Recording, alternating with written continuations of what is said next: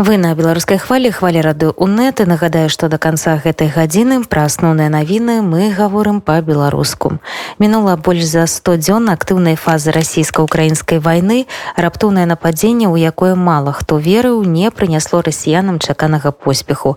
Але і хуткага вызвалення хай сабе і 20 процентаў захопленымі захопленай расіянамі тэрыторыі Украіны пакуль таксама не праглядаецца зараз усё часцей гучыць прагноз прагноз што вайна ва ўкраіне зацянецца надоўга пра тое чаму вайна адбываецца менавіта такім чынам што падштурхнула пуціна да яе развязвання і калі можа быць канец такому жорсткаму супрацьстаянню наш корэспандэнт Андрусь гаёвы паразмаўляў з украінскім палітычным аглядальнікам алексеем белаволам Алексей зараз ўжо ідзе 107 сотні расійска-украінскай войны актыўнай стадыі і мы бачым что тое на что разлічвалі расейцы там взять Киев за три дні змяніць уладу і гэта далей яно правалілася бліц крыг на які яны разлічвалі фактычна праваліўся яны уже пачалі мяняць свае мэты ўжо дэнацыфікацыя уже ў іх там вызваленне Донбасу далей Чаму іх так адбылося як вы лічыце чаму гэта іхнія першапачатковыя планы не справдзіліся і праваліліся ну три ключових причини. Перше були прорахунки стосовно боєздатності української армії бо була ще картинка з 2014 року коли цієї армії не було коли реально можна було наскрипти там 5 тисяч людей і воювали добробати. І була розуміння що якщо ми ну там вмикнулись під Дебальцево і Іловайському творили ну реально котел, якому потім перестріляли як у тирі українських військових. Ми тільки вмикнулись. То що казати, якщо ми всією армією війдемо? По-друге, прорахунок щодо Зеленського, картинка, що він комендіант, вона була все-таки дуже ставою. Не зміг Путін перейти через себе і зрозуміти, що Зеленський може бути і комедіантом, але це його одна з ролей. Він ще керівник інформаційного напрямку взагалі всієї інформполітики інтерв'ю був людина, що з нуля створила індустрію гумору в Україні, людина, що зробила ефективне кіновиробництво, тобто людина, яка знається на тому, як робити проекти, продукти. А ви ж розумієте, якщо людина знається, то не питання, яку систему будувати. Ну і третє, це прорахунок щодо заходу. Заход завжди якісь такі е, вегетаріанські санкції давав не особисто, не до світу навіть не доходило, не кажучи вже про ембарго.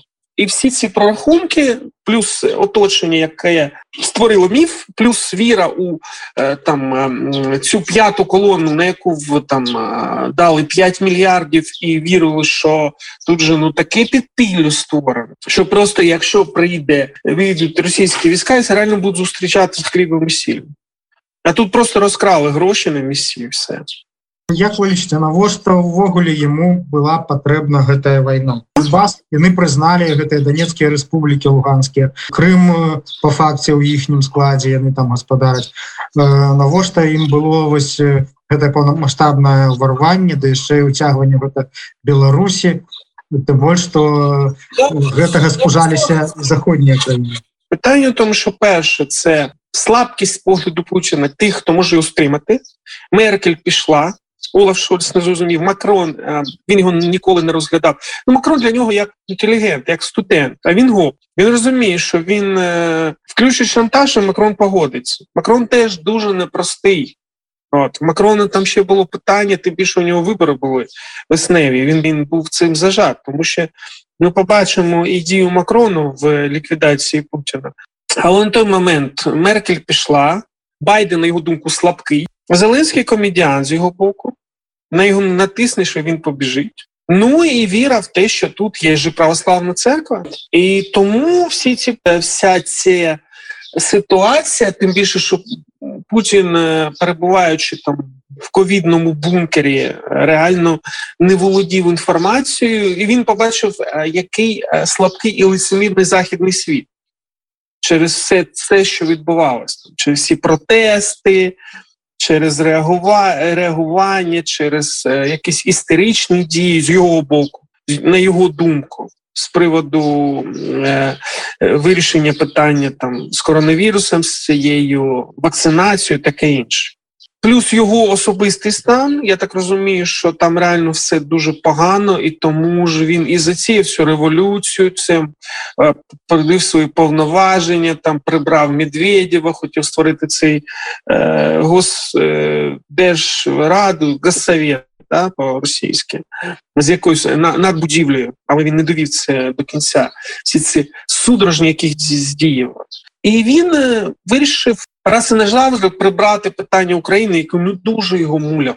Ну не неймовірно. А тут ще Зеленський їде в Мюнхен і каже: а все, ми ми вільні від Будапештського меморандуму, ми маємо право будувати атомну бомбу. І для нього це виглядало. Ну та вони що взагалі? Як вони собі це дозволяють?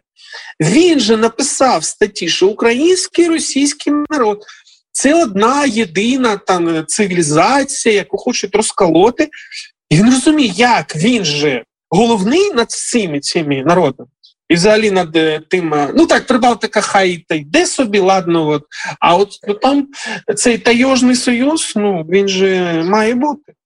Тому я вважаю, що рішення про напад то було якесь інстинктивне. Якщо дивитись на всю попередню політичну діяльність Путіна, він ніколи не робив таких сумозбродних кроків. Адже дивіться, він 21-го цей договір про ДНР і ЛНР, про те, щоб е, їх визнати. Після того військовий договір, і після того можна було шантажувати Захід. Можна було шантажувати Україну, Захід, можна було там відтісняти українські війська. А він вирішив реально захопити всю Україну і змінити українську владу. І це було, знаєте, як я втомився з тобою грати, тому я беру і перевертаю шахову доску. Бо він не міг змиритися з тим, що Україна може бути успішна за західним форматом. Він розумів, що якщо Україна успішна за західним форматом, є такою загрозою для Путіна, що там побачите, а ми чого? А чого в нас не так? А вони що, якісь інші? Що він не міг цього стерпіти. Ну ось ви говорите про захад і сапраўды захад дапамагаў дапамагае але зараз для того каб пераламіць ход войны тому что тая дапамога якая была вось да апошняга часу яна прадугледжвала оборону там этой джавеліны барактары так далей это э, тое что чым можна абараняться і зараз э, мы бачым что Россия здолела там кагосьці мобілізаваць нейкія яшчэ з там Сібіры перакінуць подраздзяленні і зноў гэтым мясам закідае э, украінскую армію якая дэманструе лепшую падрыхтоўку. І э, мы бачым что пералому вайне няма яны там нейкія пазіцыйныя баі ведуць то адныя наступаюць то іншыя і Украіне тут просто жыццёва патрэбна нармальная наступальная зброя цяжкая зброя артылерыя ракеты так далей і гэта все абяцанае гэта все абяцаецца ўжо як мінімум два месяцы. Чаму такія зацягванні з боку захаду вось нейкія такія бюрократычныя перашкоды ці што што вось гэтая зброя дагэтуль яшчэ не дайшла до украінскага фронту скажем так Це те, що свого часу було під час Другої світової війни напередодні. Називається політика вмиротворення. Адже Путін він якимось чином потрапив в ту ж саму, не знаю, в той самий образ, в тій самій парадігмі дії Гітлер. Тобто теж намагаються миротворити. Ви ж пам'ятаєте, що туди туди судети Гітлеру віддали, там промовчали про аншлюз е, Австрії. Зараз теж політика в миротворенні. Меркель же зараз в цьому інтерв'ю так і сказав. Я е, не хотіла його провокувати. Пряма річ. Захід просто не розуміє, що ця людина вона діє в іншій парадігмі. Ну і плюс те, що життя європейських солдатів, американських солдатів, британських, воно набагато дорожче вартує, ніж е, життя простих росіян або російських солдатів. Це все. Якщо в 2014 році не була ситуація з Боїнгом, то я вважаю, що було б е, знову там півмільйона бурятів і таке інше, там всі депресивних районів, мобілізація, вони просто ну, ну реально просто страшним маршем пройшли по території України. Просто стався Боїнг, і після того Путін змушений був е, ну, Совет Федерації, той самий, він змушений був відмінити цей закон, за яким Росія могла, захищаючи соплеменників, е, свої війська там е, на територію інших держав застосовувати. Дык колькі яшчэ можа працягнуцца гэтая вайна? Калі нам праз два месяцы дашлюць зброю канцу лета калі трэба будзе ўжываць гэтую зброю і рабіць гэты пералом наступ контрнаступ дакладней колькі можа працягнуцца яшчэ вось гэтая актыўная стадыя гэтай вайны? Чым швидше мы атрымаем высокоточную зброю тим скоріше закінчиться війна. Від того дуже багато залежить.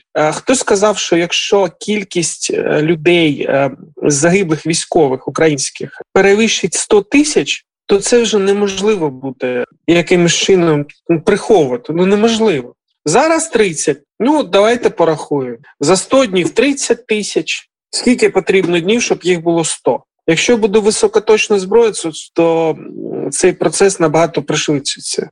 Але ж у той же час при наступі страти будуть більше, чим при обороні. А ви ж бачите, що вони реально панікують. І це ж не гра там, пропагандистів. Верхальний жах на обличчі, якщо Україна отримає цю високоточну зброю. Мій прогноз, що все ж таки, зважаючи на те, що ці ключові фази, як переобрання Макрона, втримання своєї посади Джонсона, ленд-ліз підписано, принципово погоджено, що Україна отримає цю високоточну зброю, там хімарси, таке інше. Важкість санкцій буде відчуватись, і це такий е, процес, який і з того боку, з нашого боку, і з, і з іншого, то гаряча фаза війни вона може закінчитись е, до вересня, а до кінця року ну буде там стихання, будуть виходитись на якісь домовленості. Ну а після того може бути така сама там затяжна фаза війни, але не з такою кількістю втрат. То будуть локальні локальні протистояння. Хоча, якщо е, реально буде ця зброя застосована і Захід все ж таки припинить зберігати Путіну обличчя, просто зрозумій, що не треба зберігати обличчя тому, в кого цього обличчя вже немає. То все може вирішити набагато простіше, бо ті, хто кажуть, що да, неважливо там є колективний Путін, а то Путін піде, буде хтось інший. Ні, якщо Путін піде, то війна закінчиться набагато швидше, бо тільки йому в його хворій уяві хочеться це все продовжувати. Тобто гаряча фаза війни може бути припинена.